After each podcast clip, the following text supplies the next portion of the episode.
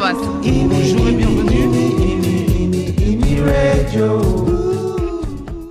Побалакаємо українською. Сьогодні з нами блогерка, філологиня, дівчина закохана в сучасну українську літературу та містриня кави Людмила Сокальська.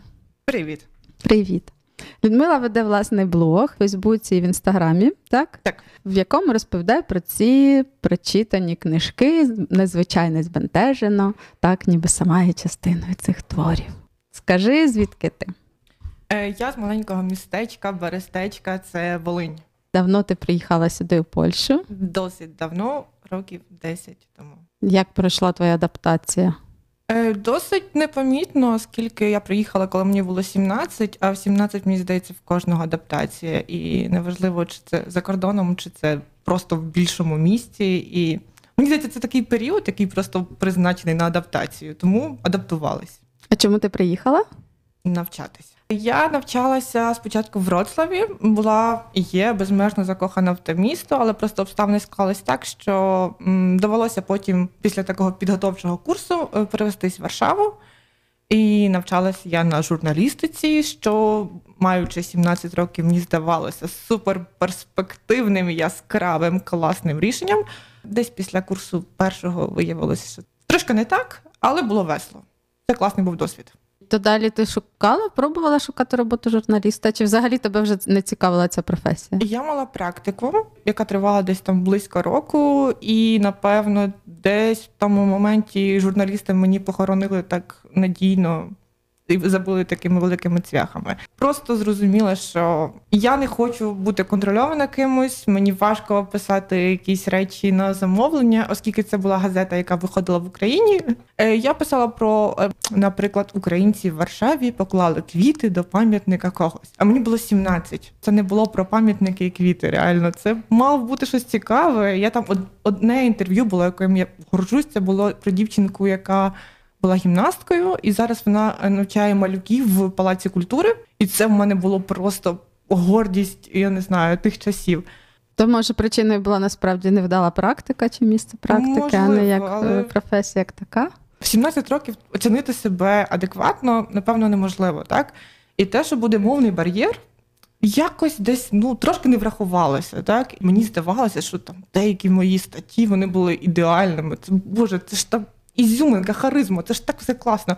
А там було стільки помилок, що це просто не знаю, кров з очей реклам викладачів. І вони казали, що може сенс в тому є, але ну допрацювати. І ти працював, але все одно ти в тому бачив дещо інше, ніж люди, які це читали. І це було дуже прикро. Мені настільки відбилось бажання, що в Україні вже не пробувала, і напевно на цьому просто закінчилося логічно. Це. Тобто проблема була в мовному бар'єрі і в тому, що польською мовою так треба так, було ти не міг писати. то сказати і міг так сказати, як ти це бачиш. А ти коли приїхала, ти вже польську трошки знала, чи ти вивчала її з нуля тут у Варшаві? Я коли їхала, думала, що знала. Коли приїхала, зрозуміла, що не знаю. Пам'ятаю дуже класно перший день, коли ми поселились в гуртожиток, і я пішла в якийсь магазин. Ну я не пам'ятаю, що я купувала, але коштувало це дихе. А я не знаю, що це. Я вивчила літературну мову, і до мене це був такий шок. Тоді до мене говорять якісь слова, яких я не знаю, а я знаю багато слів. І приблизно тоді я почала так поволі розуміти, що оу, еу, це не найкраще про тебе свідчить, і якось потихеньку достосовуватися вже. Ну, давай повернемося до книжок. Давай. Твій блог про книжки. Так. Мені стало цікаво, чому ти обрала саме журналістику. 17 років ти ж змінюєш світ, ти ж класний. Чому ні? Так і вийшла журналістика. Я чесно тобі говорю, я небагато кого читаю. Ну таке я би хотіла читати кожен тиждень. Знаєш, знати, що в неділю ось я прочитаю щось новеньке і цікаве, заходити і читати серйозно. Чи можна про тебе сказати, що ти закохана в українську літературу? Чи це в тебе такі вибіркові досить прагнення описати українську книжку і читати якісь вибіркові тільки книжки чи авторів?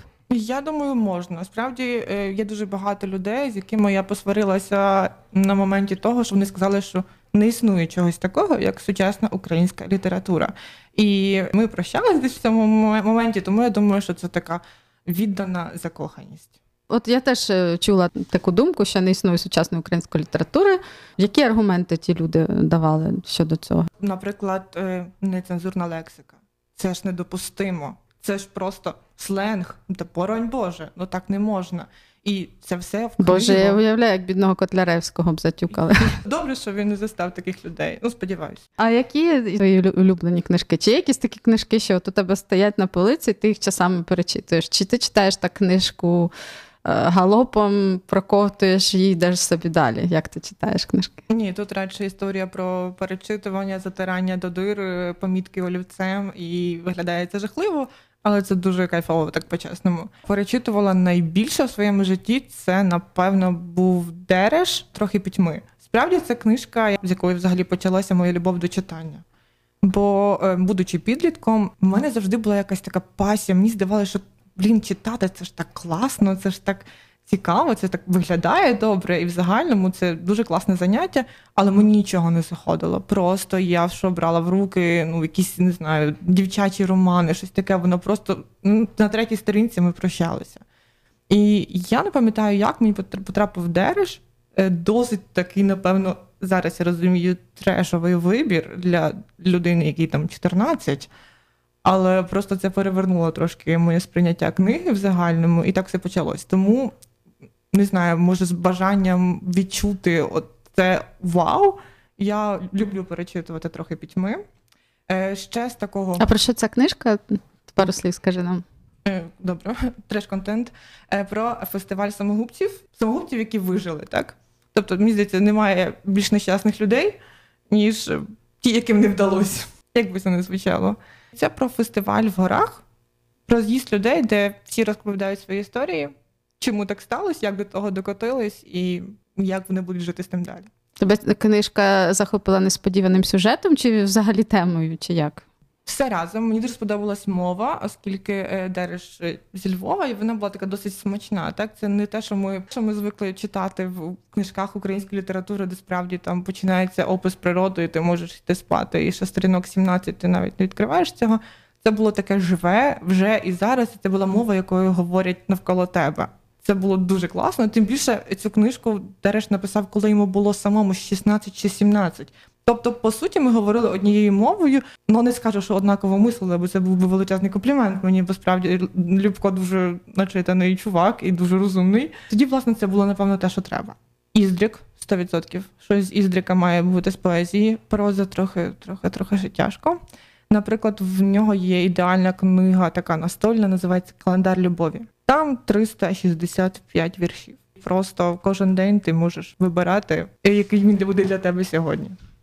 Зачитуюсь Карпою. Вийшла класно, як виходити заміж. Це справді просто must have для дівчат 25+, які часто чують про заміжжя від коханої родини і інші такі е, закиди в ту сторону. Андрій Любка, мусимо згадати.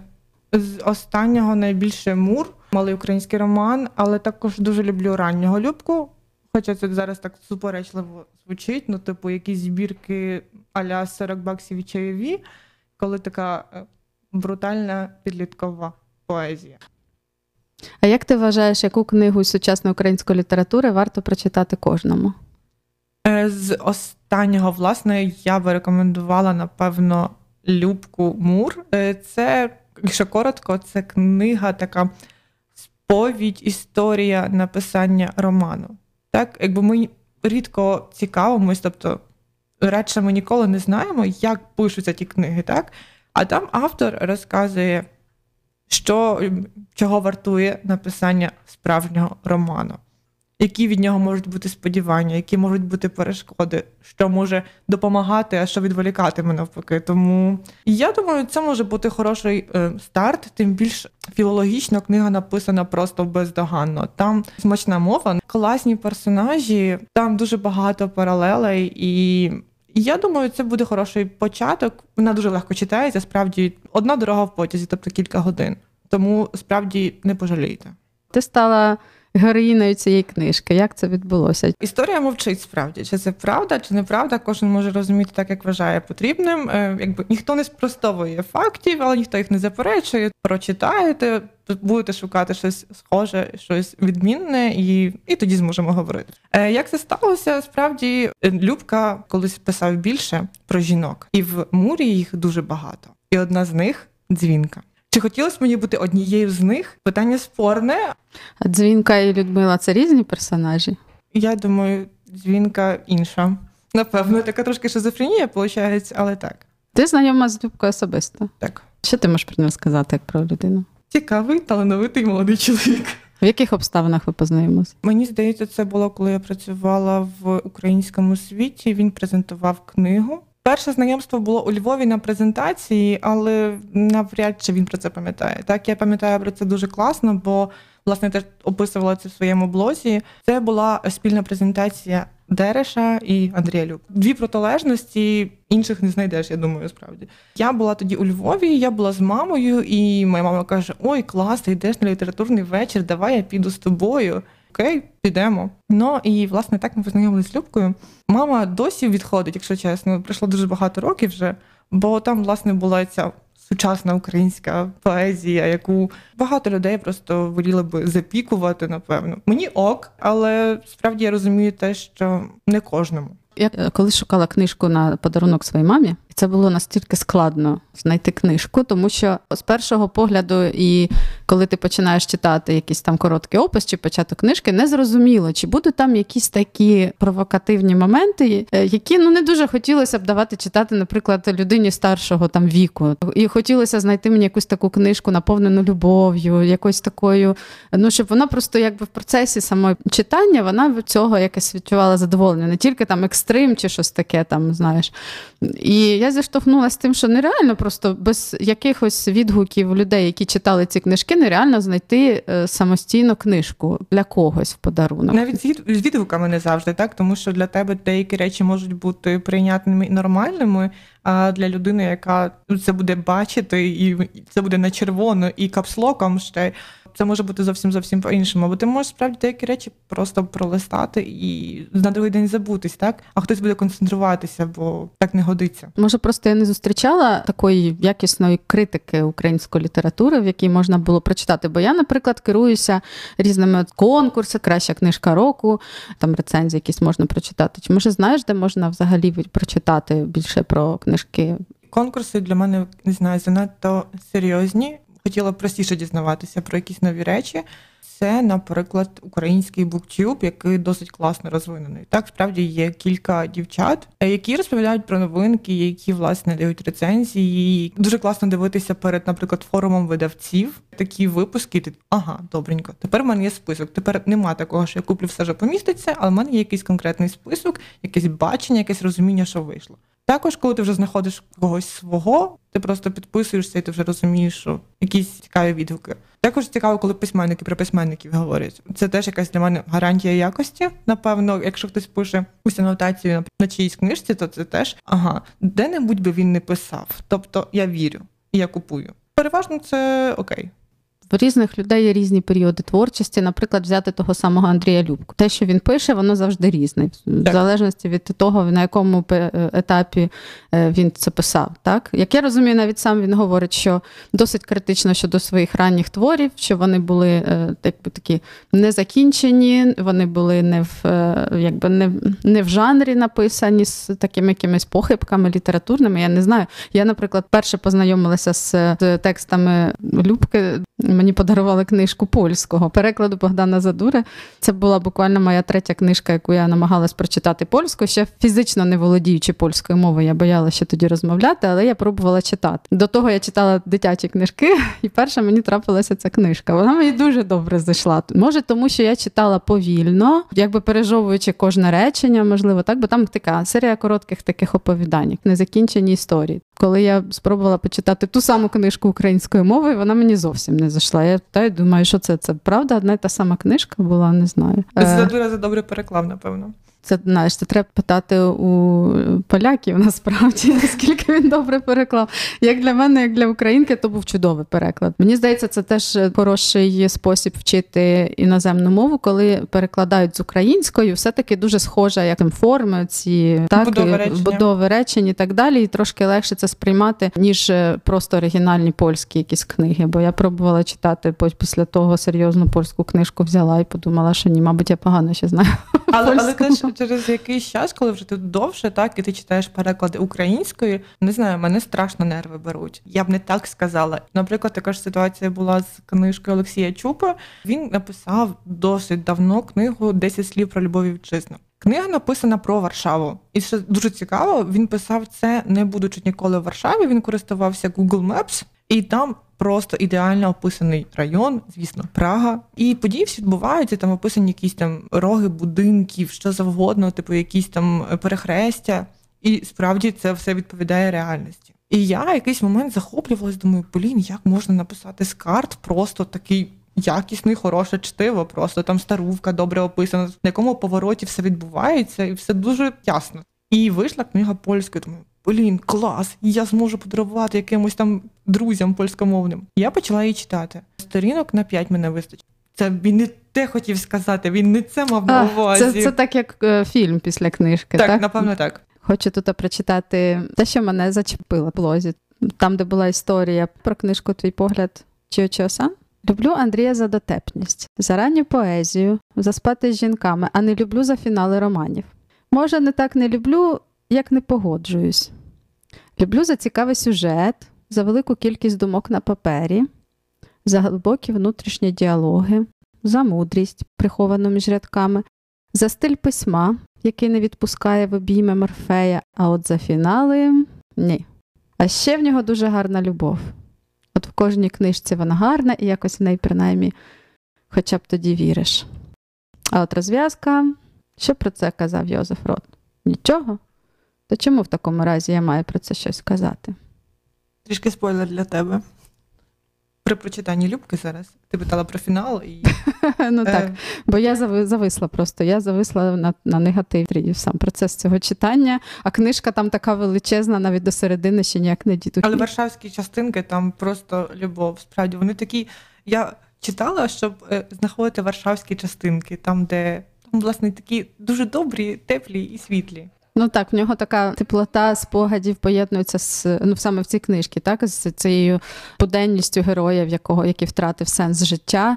Я вже придумала собі фінал тої книжки, на який би я погодилася, але отримала відповідь, що фінал буде хороший, мені добре запам'ятається. І як хороший... як ти написала, так мені дуже сподобалося. Що буде він зі мною довго, так? Буде довго. Залишиться надовго. Так, Хороше теж поняття суб'єктивне. У мене було кілька варіантів. Це жоден з них. Це варіант автора. Хто ми такі, щоб спорити з цим? Так ну я кілька днів ще ходила, думала, як так. Фінал абсолютно не банальний неочікуваний. Так. Угу. Якщо ви не читали книжку Твій погляд чи, чи Осана, якщо ви любите читати довгі книжки, зачитуватися і ходити з е, фіналом ще довго, то ми радимо. Пахне свободою. Чи знаєте ви, як пахне сам видав? Він пахне свободою, такою безредакторською, безцензурованою свободою. Багато років тому я мріяла про власне видавництво, в якому могла б друкувати тих і те, що вважаю гідним. Не думала про перспективи, піар та заробіток, акцентувала б на якості товарів та хорошому суб'єктивному читацькому смакові. Так, так, я розумію, що я б швидко збанкрутувала, чим підставила б вибраних авторів, бо за написаним текстом стоїть багато додаткових дій, прихованих від людського ока. Колись я мала змогу прочитати кілька вартісних книг, які досі не вийшли в жодному українському видавництві. Кожна з різних причин, але жодна не вийшла. А от в моєму вийшла. І ти читаєш мені ж так тепло тепло Є така мрія, вона досі є. Просто я трошки виросла, я розумію, які фінансові потреби за тим стоять, і яка відповідальність за тим стоїть. Мені в якийсь момент дуже сильно боліло те, що когось друкують, когось не друкують, і навіть того самого автора. Якісь книги, які просто вважають, що вони не на часі, що вони не актуальні, але це реально хороші речі, не будуть друкуватись. Людина це писала, можливо, навіть роками. Я не знаю, як люди з тим живуть справді. Я колись читала власне ці невидані рукописи. Справді це таке роздягання автора, мені здається, коли людина вже розуміє, що цього не видадуть. Я не знаю, мене дуже зачепило це. Я придумала, що от коли виросту, я буду фінансувати, я знайду тих людей, які зможуть жити за рахунок продажі цих книг, тому що справді я в них вірю. Справді дуже багато речей на українському книжковому ринку, які не продаються і чомусь їх друкують. Ну ось так так будуються мрії, напевно, не знаю. Це була книга Олексія Чупи, навіть пам'ятаю, вона називається Хлопці з вулиці Шевченка. І це дуже-дуже добра книга. І так само, власне, цей пост був написаний на основі збірки віршів, яку він видав так сам. Це була кома, е, яка розміру з флягу, і така маленький молитовник, як він це сам називав. Я працювала в українському світі, працювала з мігрантами для мігрантів. Ми надавали інформаційну допомогу. Крім того, організовували івенти різні, і це власне було таке моє славке місце, бо я страшно то любила. У нас приїжджали відомі люди, фотовиставки. Був такий досвід. Це було якраз там 14, 15, 16, ми здається, закрилося. А як ти знайшла в своєму житті каву? І я сіла і подумала собі, що я ще не робила в тому житті, і, і я подумала, що я хочу працювати з кавою, я хочу бути баристою. А зараз ти не просто бариста, як я розумію. Зараз я вже не бариста. Я зараз роблю так, щоб баристи мали де працювати. Відкриваю нові кав'ярні. Ми, власне, розвиваємо мережу в такий спосіб, що відкриваємо франшизні заклади. А скажи нам, будь ласка, пару слів про кав'ярню Добре добро. Чим вона особлива? Особливо тим, що вона почалася з маленької кав'ярні. Власне, де я працювала, це була кав'ярня 6 квадратних метрів, класне місце на кавовій мапі Варшави. Це така маленька ком'юніті, так де працюючи. Ти знав всіх, ти знав, хто коли йде на роботу. Ти розумів, якщо зараз не прийшли на каву там у тій годині, значить спізнюються або захворіли, боронь Боже, або ще щось, і ти пишеш в Фейсбуці, чому тебе немає на каву.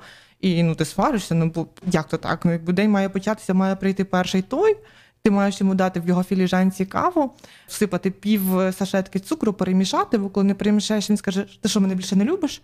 Е, і це було настільки класно, це було таке паралельне життя трошки, так, бо ти проживав там весь день, тобто я працювала там цілу зміну, це було 13 годин, відповідно, ти, крім цього, якби мало що вже мав, так. Мав е, сили на те, щоб доїхати додому і лягти спати, напевно. І це було класно. Ти вертався туди і знову ти знав, що хтось йде на роботу на сьому, і ти такий клас, а зараз них обідня перерва. І це було дуже дуже кайфово для мене. І особливо це після офісної такої роботи, яка страшно мене мучила. Це було дуже класне, таке душевне щось. Кав'ярню саму відкрили українці, так. і ти як українка там працювала. Мабуть, і відвідувачі теж е, багато українців. З рації того, що це знаходилося біля Уженду е, Мазовецького. Так, е, були багато з тієї причини людей.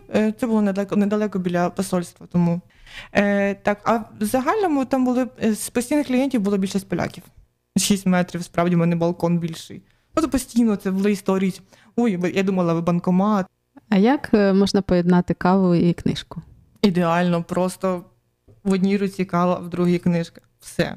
Вишнева макка. Так зараз буде до Валентинок. Дуже класна кава так само. З 11 до кінця лютого тільки в добро-добро. Запрошуємо всіх на каву. Завершуємо таким солоденьким присмаком кави наш ефір сьогодні з Людмилою. Запрошуємо ще раз вас підписатися на блог дзвінка. Якщо ви вже підписані, і якщо ви прихильниця чи прихильник е, цього блогу, і хочете підтримати теж Людмилу, ми вас запрошуємо і заохочуємо поділитися на своїй сторінці історії, яка вам найбільше сподобалася з цього блогу, і написати про те, що ви особисто, наприклад, знаєте цю людину, або що те, що вас е, особисто зачепило. Нам важливо, щоб е, цей блог жив щоб е, його читали більше і більше. Я сподіваюся особисто, що це змотивує Людмилу писати більше. І проблема, та, яка виникла внаслідок мовного бар'єру, зникне, тому що натхнення для писання буде більше і більше. Ну Дякую. і на, на цій прекрасній кавовій ароматній е, читацькій ноті завершуємо наш сьогоднішній ефір українською. І я запрошую вас на наступний ефір наступного четверга о 19.00. І нагадую вам, що ви можете прослухати теж наші українські ефіри на imiradio.pl і також на сайті Анхор набагато більше вже записів завантажено. Бажаємо вам хорошого вечора, чудового дня, щасливого святого Валентина, щоб він приніс вам велике щасливе серце і наповнив його кохання. До побачення.